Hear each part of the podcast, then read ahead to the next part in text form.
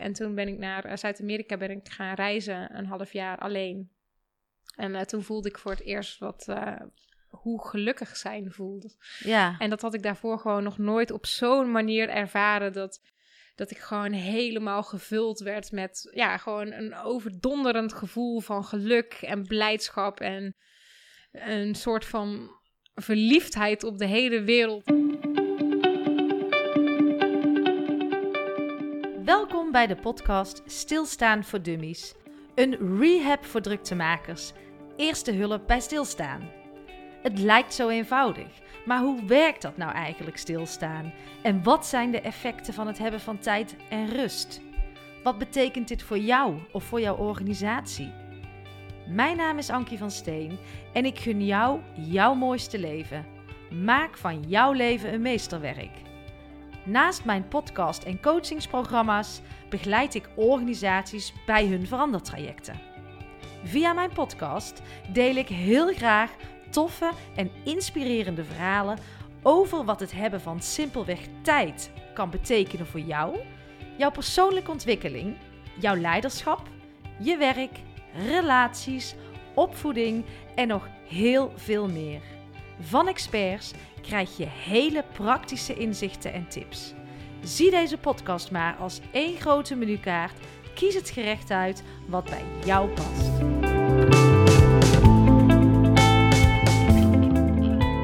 Aan het woord mijn Instagram crush, Alex Malone. Alex is de expert als het gaat om remote werken en is iemand die echt durft te kiezen. Alex die ademt vrijheid. Zij legt uit wat het loskomen van plaats en tijd voor haar heeft betekend en wat het mogelijk voor jou kan betekenen.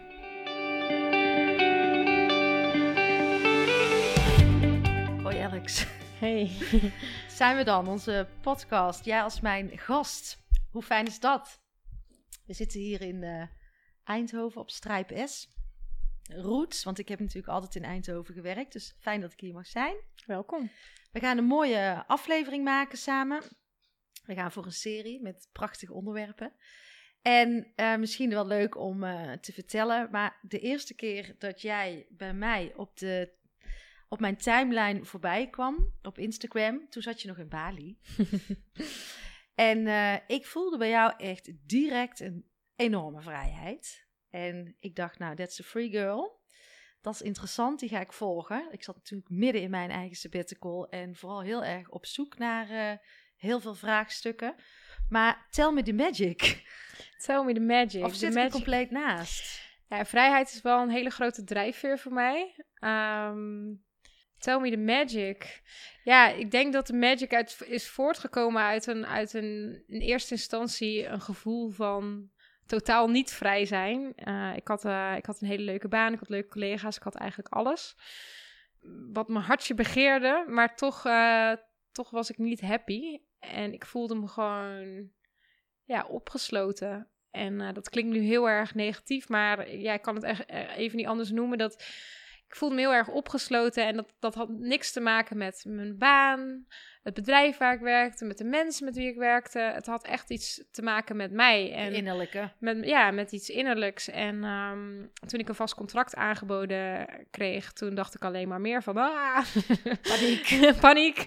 Dus toen uh, heb ik dat uh, vriendelijk bedankt. En toen ben ik naar uh, Zuid-Amerika ben ik gaan reizen, een half jaar alleen. En toen voelde ik voor het eerst wat hoe gelukkig zijn voelde.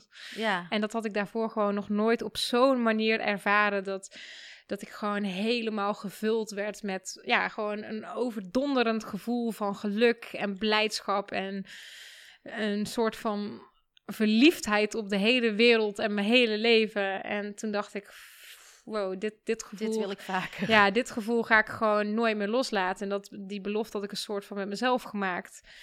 En um, toen ben ik gaan nadenken over uh, hoe ik reizen meer kon integreren in mijn leven.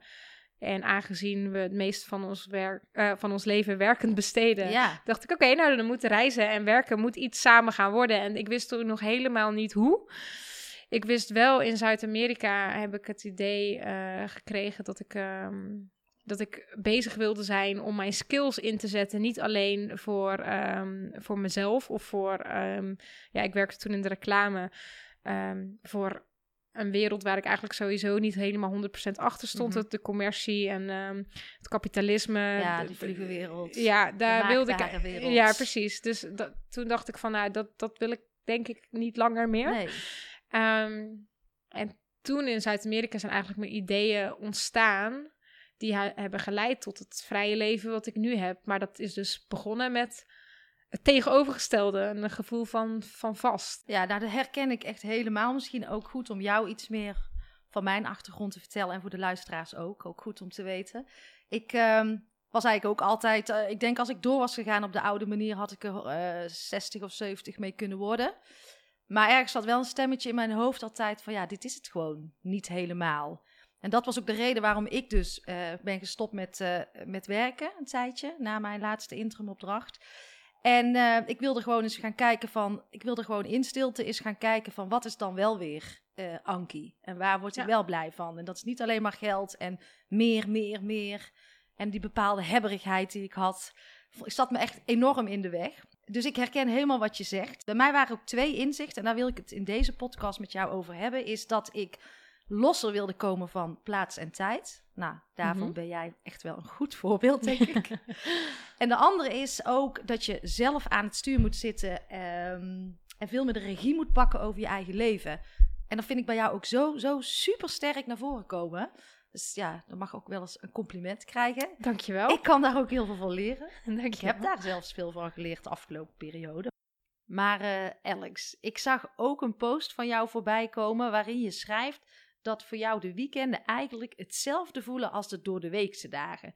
En je schreef dat zo mooi met create a life you don't take a vacation from. Kun je dat eens uitleggen, wat je daar precies mee bedoelt?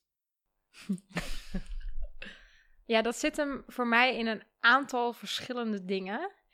Eén daarvan is je werk zo leuk vinden dat elke keer als je aan het werken bent, dat je er gewoon energie van krijgt en dat je er geen, dat het je bijna geen energie kost, dat het alleen maar gewoon ja, een feestje is om er elke dag mee bezig te zijn. Nou, dat, dat heb ik sowieso. Ik heb, ik heb werk gevonden waar ik mijn hart zo in kwijt kan dat, dat ik het gewoon elke keer, elke dag super leuk vind. Ja, En dan is het niet alleen dat ik mijn werk heel leuk vind, maar dat het ook nog dat het mij een hele grote voldoening geeft. Dat ik echt zie dat mijn werk op een bepaalde manier bijdraagt. Niet alleen eh, aan mijn eigen leven, maar ook aan het leven van andere mensen. En ehm, dat stukje voldoening eh, zorgt denk ik voor de energie die je uit je werk kunt halen. Dus dat zijn twee hele belangrijke elementen waar ik dus geen vaka- vakantie van nodig heb. ja, dus we kunnen concluderen dat jij zeg maar echt qua werk en qua levensstijl gewoon heel dicht bij jezelf bent. Ja. Ja, dat, is, dat is zo prachtig, vind ik. Mensen die dat doen. Ik denk dat er heel veel mensen zijn die dus niet die keuzes maken. En die dat dus wel altijd al wel over na aan het denken zijn. Maar eh, van hoe moet zoiets nou? Van, kun je daar iets over vertellen? Hoe je jouw weg, dat je daarvoor hebt gekozen? En hoe, hoe ben je daartoe gekomen? Je reist natuurlijk veel. Eh, ja, want dat is dus ook een stukje wat, wat ehm, daar hoef ik dus ook geen vakantie van te nemen, want ik reis inderdaad ook veel voor mijn werk. Ik heb ook ehm, op een bepaalde manier in mijn werk geïntegreerd dat ik kan reizen voor werken of dat ik moet reizen voor werken. Dus eh, binnen eh Mr. Magpie, het bureau wat ik heb, daar werken we met een team eh, plaats en tijd onafhankelijk. Dus ehm, we zijn met z'n vijf op dit moment, maar we werken vanuit huis of vanuit verschillende plekken. Wij hebben wel een kantoor als basis, dat is waar je nu bent. Maar daar is eigenlijk bijna, bijna nooit het hele team. Nou, nee, het hele team is er nog nooit geweest op hetzelfde moment. Ja. Want iedereen werkt waar die wil. En dat kan in het buitenland zijn, dat kan in Nederland zijn, dat kan eh, thuis zijn. Maakt allemaal niet uit. Het gaat over de output die geleverd wordt. Ehm, en dat zorgt er dus ook voor dat ik vanuit het buitenland kan werken. Terwijl ik gewoon mijn werkzaamheden door kan laten lopen. Dus ehm, mijn weken en mijn weekenden zien er niet echt anders uit. Maar ook een vakantie. Ja, het is niet echt een vakantie. ehm, omdat hoe ik mijn dagen hier inricht, is heel erg werk gecombineerd met alle fijne dingen die ik in Nederland ook fijn vind om te doen. Ehm, en zo doe ik dat ook in het buitenland. Ja, ja en als je, is, merk je als je in het buitenland komt, eh, voel je dan meer die vrijheid?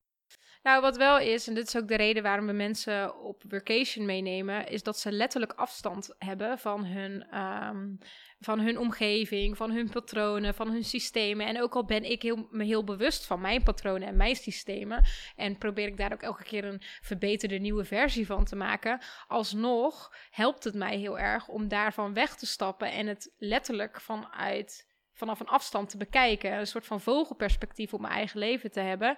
En te kijken van oké, ehm, als ik dus niet in het ritme van ja, uh, ja, de, dagelijkse dingen zit. En eh, dan, dan kan ik me weer dus opnieuw ontwikkelen. En dat vind ik een heel fijn gevoel. En dat, dat is wat het buitenland me biedt. En wat werken in het buitenland me ook biedt. Ja, dus jij zegt eigenlijk van als ik daar ben, dan kan ik gewoon beter uitzoomen. Ja, ja, nou, ik, ik vind dat wel dat jij dat in het buitenland zo ervaart. Ik heb dat natuurlijk met mijn half jaar uh, niet werken ook zo ervaren. Um, als je dan dichter bij jezelf wil komen, is het volgens mij heel belangrijk dat je dat soort elementen in je leven kunt inbouwen. Ja. Uh, heeft, iedereen doet dat op zijn eigen manier. Maar als je altijd maar aanstaat en nog altijd in het ritme van druk, druk, druk, meer, meer, meer, dan is het heel lastig om die uitzoom te maken. Ja. Ja, en ik, ik vind dat dus ook een heel mooi iets van Nederland. Hè? Want juist doordat ik op veel verschillende plekken ben geweest en op veel verschillende plekken heb gewerkt, ehm, valt het op dat bepaalde plekken uh, een bepaalde energie hebben of een bepaalde vibe hebben. Dus over Bali wordt er bijvoorbeeld heel veel gezegd. Oh, de, de vibe in Bali is zo fijn. Oh, de vibe in Bali, de vibe. En ik dacht de hele tijd van ja, maar wat is die vibe dan? Wat is die? Waar heeft iedereen het dan over? Um, totdat ik er dus zelf ook kwam en merkte van nou ja, als, als ik de vibe waar iedereen het over heeft in Bali zou moeten beschrijven, dan zou ik hem omschrijven als dat het een, um, een bepaalde collectieve energie is waarin mensen um, gemakkelijker connecties met elkaar leggen, waardoor mensen gemakkelijker samenwerken, waardoor ze creatiever zijn, uh, openstaan voor verandering. Mm Bali is een spiritueel eiland um, uh, met, met offerings naar, naar de goden en uh, Ubud, een spiritueel centrum. Dus veel dichter al bij je, bij je eigen, bij jezelf. Ja, ja, dus dat is iets wat daar heel makkelijk ontstaat en waarbij ook de connectie tussen mensen makkelijker lijkt te ontstaan. Mm maar bijvoorbeeld Um, als ik dan kijk naar Marokko, waar we natuurlijk zelf ook op vacation gaan. De reden dat we mensen daar mee naar vacation nemen, is omdat er um, in Marokko is een soort van ontzettende chaos van geuren, kleuren, mensen. Het is druk uh, in Marrakesh. Uh, het is echt een soort van cultuurshock, terwijl je maar drie uur vliegt en je staat echt in een compleet andere wereld. En dat zorgt er ook weer voor dat je heel dicht bij je eigen intuïtie kan komen, want alles is nieuw. Je kunt niet op je rationele denken vertrouwen, dus je moet wel terug naar binnen gaan en kijken van oké, wat is mijn volgende stap en wat is mijn intuïtie? En dat heeft, Marokko heeft een hele andere laten we het vibe noemen, mhm. dan, uh, dan Bali. En um, Nederland heeft ook weer zijn eigen energie met elkaar. En ik vind het dus ook fijn om terug in Nederland te komen. Want wat we in Nederland met elkaar hebben neergezet, is een bepaalde energie die gaat over het samenbouwen, uh, snel, snel, snel. Um, heel efficiënt werken. Er is geen land wat ik ken waar ik ooit ben geweest waar mensen zo op de tijd zijn. En de treinen vertrekken in principe gewoon op tijd. Ja. de bussen vertrekken op tijd. Um, ja, heel gestructureerd. Gestructureerd. Georganiseerd. Georganiseerd. Goed geregeld. Ja. Um, en, en dat heeft ook iets heel erg moois. Het heeft iets heel moois dat wij met elkaar een, een systeem hebben. Mhm. waarin we met elkaar heel doelgericht een land hebben weten op te bouwen. Dat is natuurlijk heel erg de westerse, de westerse uh, cultuur. Cultuur, ja. Ja, en daarom is het misschien ook wel zo knap. Ik, ik heb altijd ook, ik vind die intelligente lockdown, denk ik, nou, dat doen we wel even met elkaar. Ja. Het echt een beroep gedaan op onze verantwoordelijkheid. Ja. Um, ik heb natuurlijk tien jaar nu verandermanagement en, en, en uh, programma's gedaan. En ik, ik, herken helemaal wat je zegt, dat doelgerichte, dat georganiseerde, gestructureerde. Maar wat ik ook wel zie, is dat we dus um, vergeten om daardoor uh, veel meer een stukje kwetsbaarheid te tonen. Want het moet natuurlijk allemaal perfect, het perfecte plaatje zijn. We vergeten soms ook wel eens uh, echte verbinding met elkaar te hebben. We zijn nog vrij, organisaties vind ik nog vrij gehokt. Het zou hartstikke mooi zijn als die twee veel meer samen gaan komen. Dat zou mooi zijn, ja. ja, dat zou mijn droom wel zijn. En ja, stiekem, uh, als ik dan naar jou keek op, uh, op Instagram, dan denk ik, oh, dat soort mensen zouden we best kunnen gebruiken in, in organisaties. Bied je me nou een baan aan? ja, nee, ja, ik zou jou zo een baan ergens aanbieden, ja, maar volgens mij ben je daar te vrij voor. Maar dat vind ik mooi en ik, en, en ik denk dat het de kracht is, maar tegelijkertijd ook de grote valkuil op dit moment van ons land. Hoe kijk jij daarnaar? Nou, ik weet niet of het een, uh, een valkuil is. Ik denk, ik geloof heel erg dat dingen gebeuren met een reden. En ik geloof heel erg dat alles wat tot nu toe is gebeurd en waar Nederland op dit moment is gekomen, mhm. dat dat met een hele goede reden is gebeurd. En um, ja, het is niet voor niks dat we een van de meest welvarende en slimste landen ter wereld zijn. En ik denk wel dat dat, dat, dat deels te danken is aan de structuren en de systemen die we met elkaar hebben neergezet. Alleen wat ik ook denk, is dat er zeker wel ergens een, een, uh, een limiet op zit. Iets kan niet oneindig doorgaan. Er zit overal een max op. En um, we hebben een prijs betaald voor voor de systemen die we nu hebben, die goed geregeld zijn. Maar de prijs die we daarvoor betalen, die, die komt nu ook naar voren. En dat zijn de stressklachten bij, bij jonge mensen, de burn-outs bij jonge mensen um, en, en ook bij oude mensen. Ja. Uh, um, welvaartsziekten, um, dat, dat is volgens mij de prijs die we daarvoor betaald hebben. Zeker dus het is, niet, het is niet oneindig. Het is niet dat het systeem ook al heeft het ons gediend tot waar we nu gekomen zijn, wil het niet zo zeggen dat het systeem onveranderbaar moet zijn, omdat het ons zoveel gebracht heeft. Ik denk dat het heel goed is. Um, ja, kijk, buitenom wat er nu gebeurt met corona is natuurlijk heel erg en schokkend. En um, mensen hadden het misschien niet zien aankomen, anderen misschien wel. I don't know. Niemand had denk ik een wereldwijde pandemie ineens nee. um, bedacht. Maar ik moet wel heel eerlijk zeggen dat. Um, er was de, de bosbrand in de Amazone. Toen was de grootste brand in Australië. Um, het was echt een tijdje in het nieuws alleen maar ramp op ramp naar ramp. En ik dacht echt toen de, Australië, toen de brand in Australië was ik dacht letterlijk, het zal me benieuwen wat de volgende is en of die op grotere schaal gaat zijn. Nou, en niet veel later kwam dit. Dus natuurlijk had ik niet echt verwacht dat er een wereldwijd, uh, wereldwijd virus zou zijn. Maar ik had ook niet echt dat ik echt super verbaasd was. Ik dacht, nou, oké. Ja. ja, ehm, ik had dat ook wel. Uh, of tenminste, niet zo sterk als jij dat nu beschrijft. Maar ik, had, um, ik heb laatst mijn bedrijfsvideo gelanceerd. Volgens mij heb ik dat in januari gedaan, nog net voor uh, heel deze crisis. En daar schreef ik ook echt van, ik ben het een beetje beu. Meer, meer, meer, altijd maar sneller.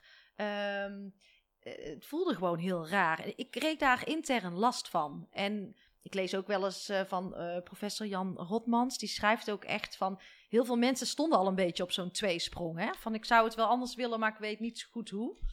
Um, en ik denk dat dat in het bedrijfsleven is. Ik denk dat het bij heel veel gewoon ook ondernemers is die iets anders willen.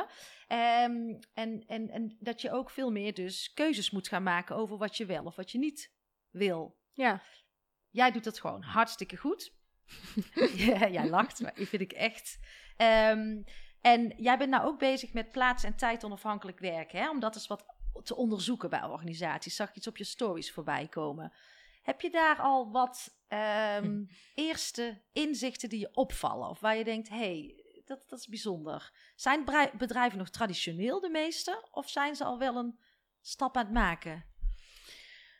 Um, zijn wel al, ze waren al wel stappen aan het maken. Uh, maar ik heb verschillende bedrijven geïnterviewd. Uh, grote bedrijven, corporate bedrijven, uh, wat jongere bedrijven, in ieder geval in hun branding wat jonger of eh, die jong overkomen. Ja. Of, ik heb allerlei verschillende soorten bedrijven geïnterviewd.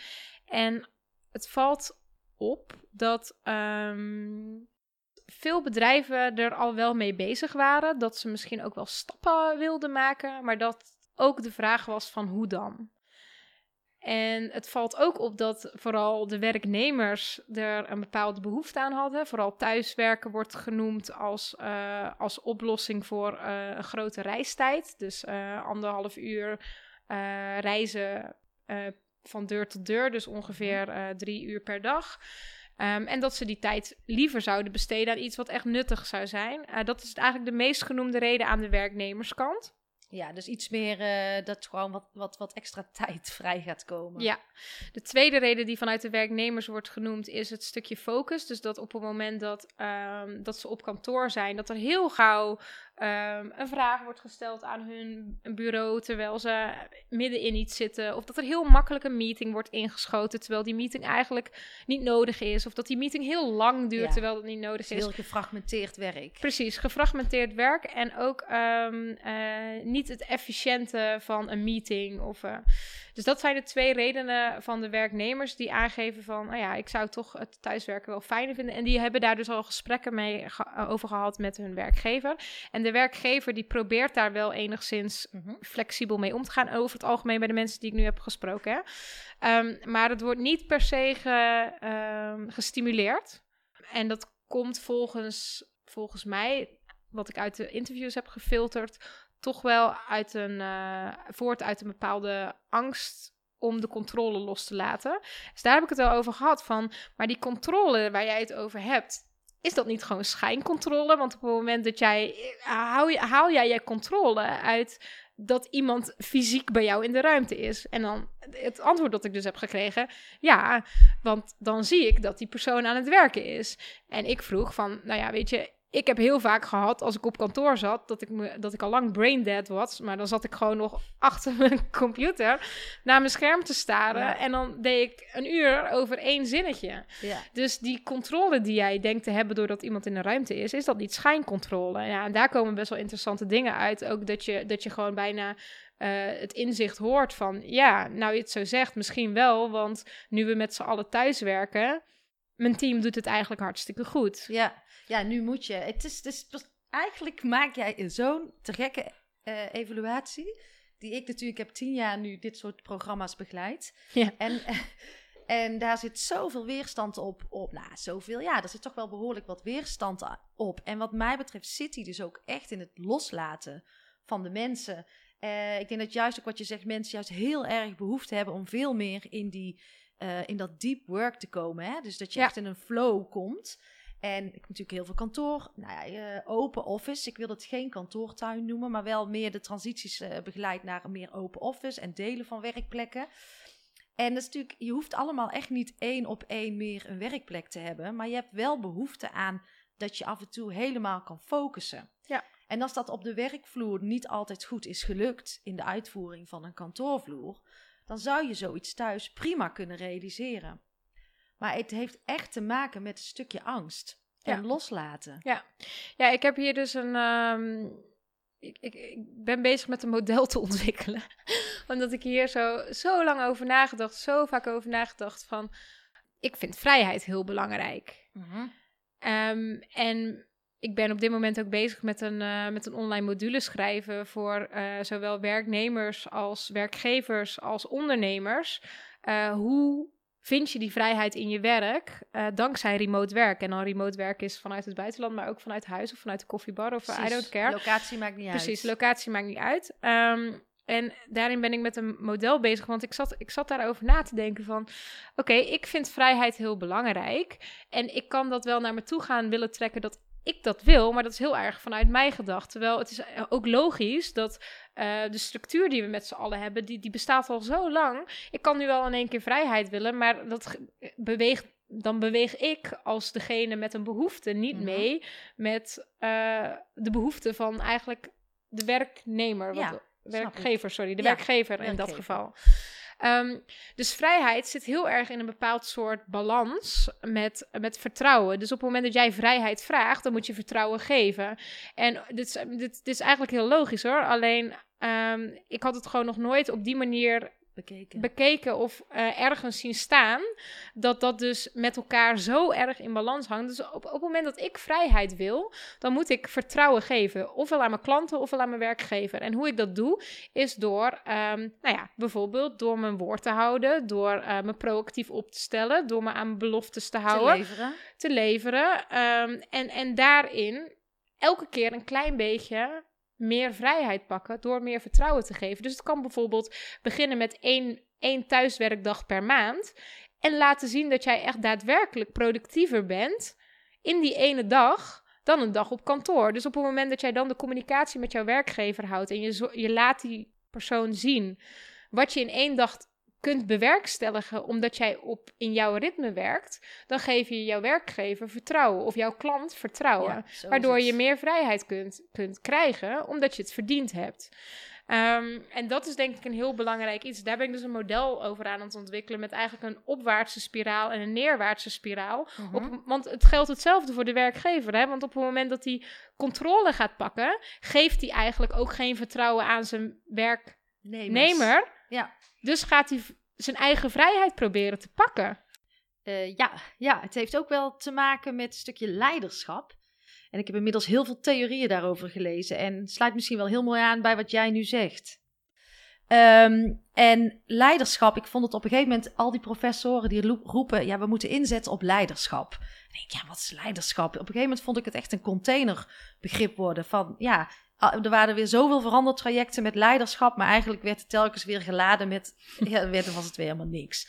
Maar ik denk dat je dus mensen ook echt de ruimte moet geven en dat je ze kwetsbaar moet laten zijn, dat je, eh, dat je veel meer in verbinding moet zijn met je mensen als leidinggevende.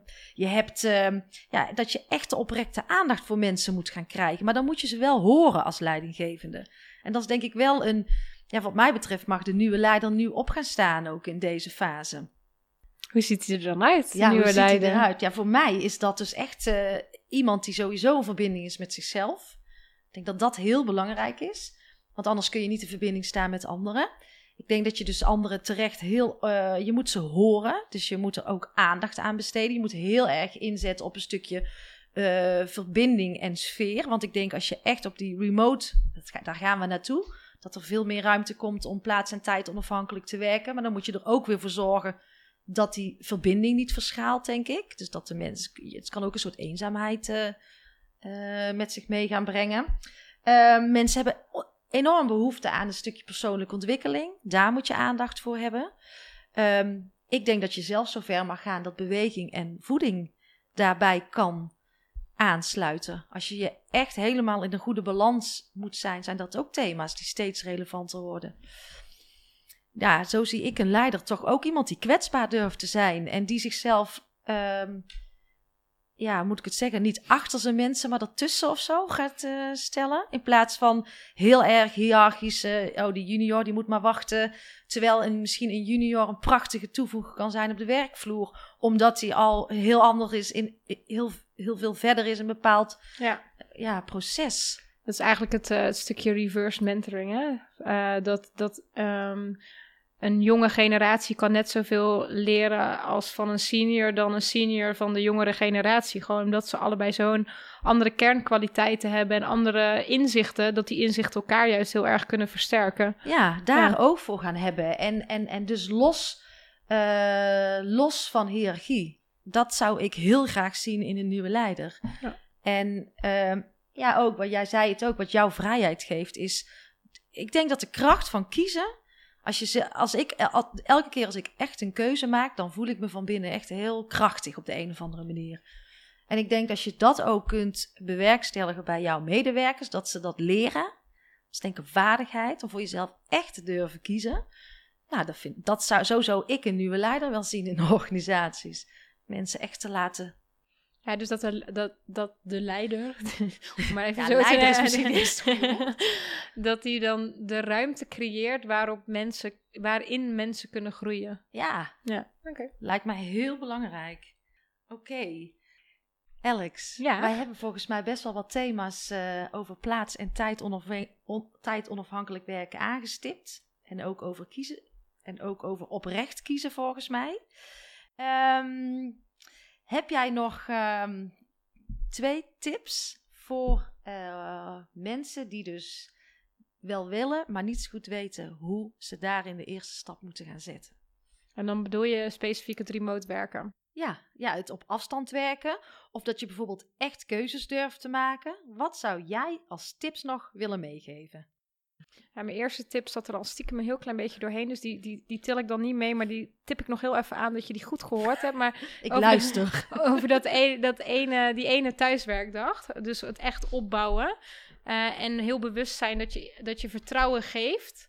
eh, voordat je vrijheid neemt, eigenlijk. Eh, dus dat opbouwen, dat, dat is eentje die ik net eigenlijk al aangaf. Ehm, tweede is, bedenk heel goed waarom je remote wil werken. Want de waarom-vraag zet je aan. Zet je Mhm. aan tot, tot beweging. En ehm, kijk, is de reden dat je minder reistijd wil? Is het omdat je het wil combineren met, eh, met reizen? En waarom wil je dat dan? En dus maak het ook een, een quest om jezelf op een bepaalde manier te leren kennen. Ehm, want ik denk dat op het moment dat je die vragen aan jezelf gaat stellen, dat je ook antwoorden gaat krijgen over hoe. Er zijn namelijk duizend en één manieren waarop je remote kan werken. Je kan, zoals ik heb gedaan, mijn hele hebben en houden in Nederland eh, verkopen en achterlaten om in een, eh een eh, landcruiser door Australië te reizen en vanuit daar mijn bedrijf op te zetten.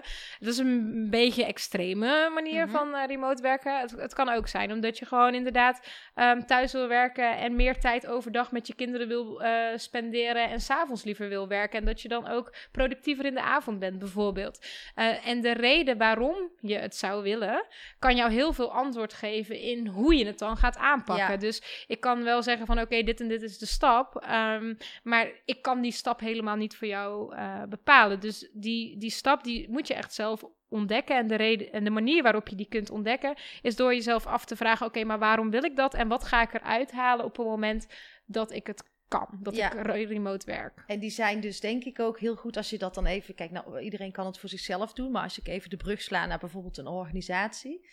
dan zeg ik ook altijd, ja, eh, een organisatie op zich bestaat eigenlijk, eigenlijk niet. Het zijn de mensen die de organisatie maken.